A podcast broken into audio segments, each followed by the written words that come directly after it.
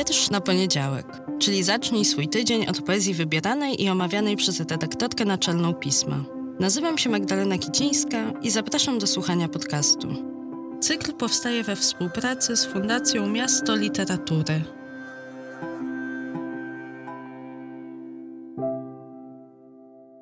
Cześć, dobry wieczór, dzień dobry.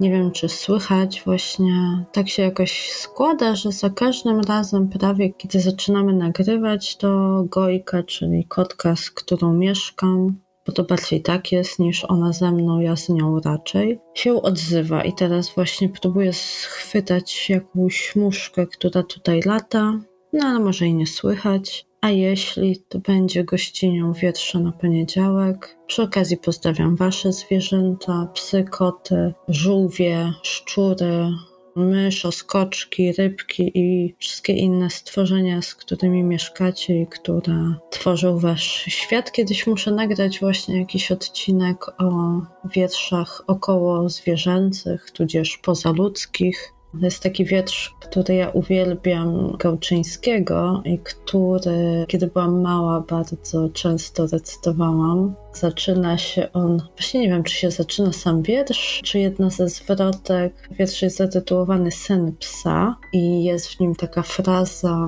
na polu kalafiory na całe życie dość, kalafior każdy spory i w każdym rośnie kość. Więc podjem znakomicie aż po żołądka kres o piękne, piękne życie, o piękny jestem pies. I być może to jest w ogóle cały wiersz, ale chyba miał więcej zwrotek.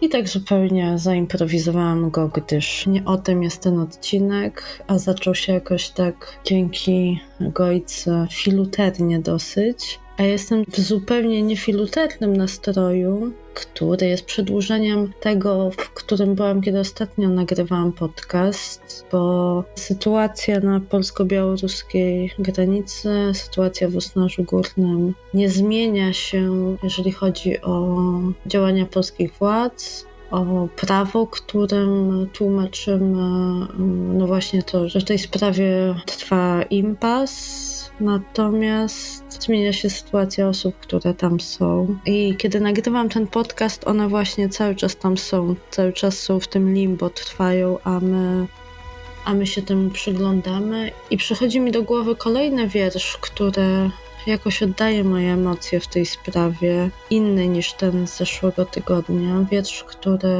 zaraz postaram Wam się odczytać.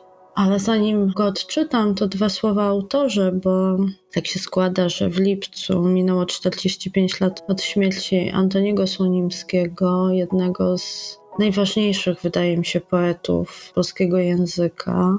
Poety, który sam kiedyś powiedział, że poezją się zaraził, tak jak się można zarazić grypą czy katarem, gdzieś ona przychodzi nieoczekiwanie, przypadkiem i zostaje także się już z tej choroby wyleczyć nie można. A Słonimski miał zostać malarzem. Skończył Akademię Sztuk Pięknych, nawet w Zachęcie miał jedną, wydaje mi się, że jedną wystawę. Uczył malarstwa, uczył rysunku, ale tę pasję i tę miłość, tę formę ekspresji artystycznej porzucił poniekąd z miłości, z miłości do swojej żony, która to żona e, malowała, tak uważał, lepiej od niego, była większą artystką i jakoś nie chcąc się z nią mierzyć na tym polu, właśnie nie chcąc, albo może uznając po prostu jej wyższość, wyższość Janiny Konarskiej, Słonimskiej, on od tej formy odszedł i ja myślę sobie, że z korzyścią dla języka polskiego zaczął pisać i zaczął właściwie właśnie pisaniu poświęcać swoje życie, no bo gdyby tego nie zrobił, to kto wie, czy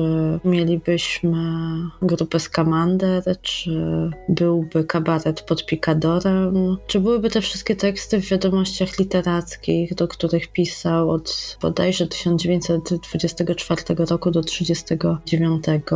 Czy byłby też członkiem i prezesem Związku Literatów Polskich w czasie, kiedy po wojnie ten związek odgrywał zupełnie nieporównywalną do dzisiejszej roli?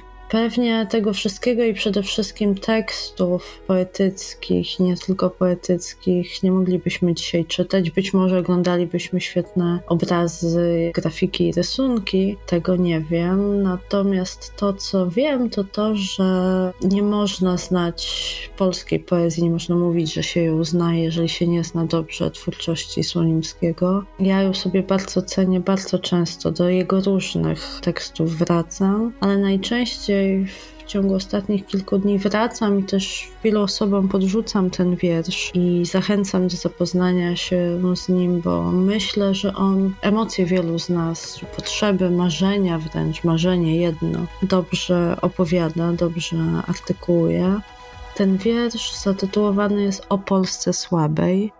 I właśnie z tym wierszem chcę Was dzisiaj pozostawić. Pobądźcie sobie z nim trochę, bo myślę, że takie mam być może naiwne przekonanie, ale że wśród osób, które słuchają tego podcastu, wśród osób, które czytają poezję, takie marzenie, pragnienie Polski słabej, a dlaczego Polski słabej, to, to za chwilę usłyszycie, mamy wspólne. O Polsce słabej. Mówią o Polsce silnej, już dziś liczą sztaby, jak ją ziemią okopać, oprzeć na bagnecie. Lecz ja, wybaczcie, bracia, pragnę Polski słabej. Ja pragnę Polski słabej, lecz na takim świecie, gdzie słabość nie jest winą, gdzie już nie ma warty. Ryglów ubram i nocą dom bywa otwarte, gdzie dłoń nieutrudzona okrutnym żelazem, i gdzie granica wita tylko drogowskazem.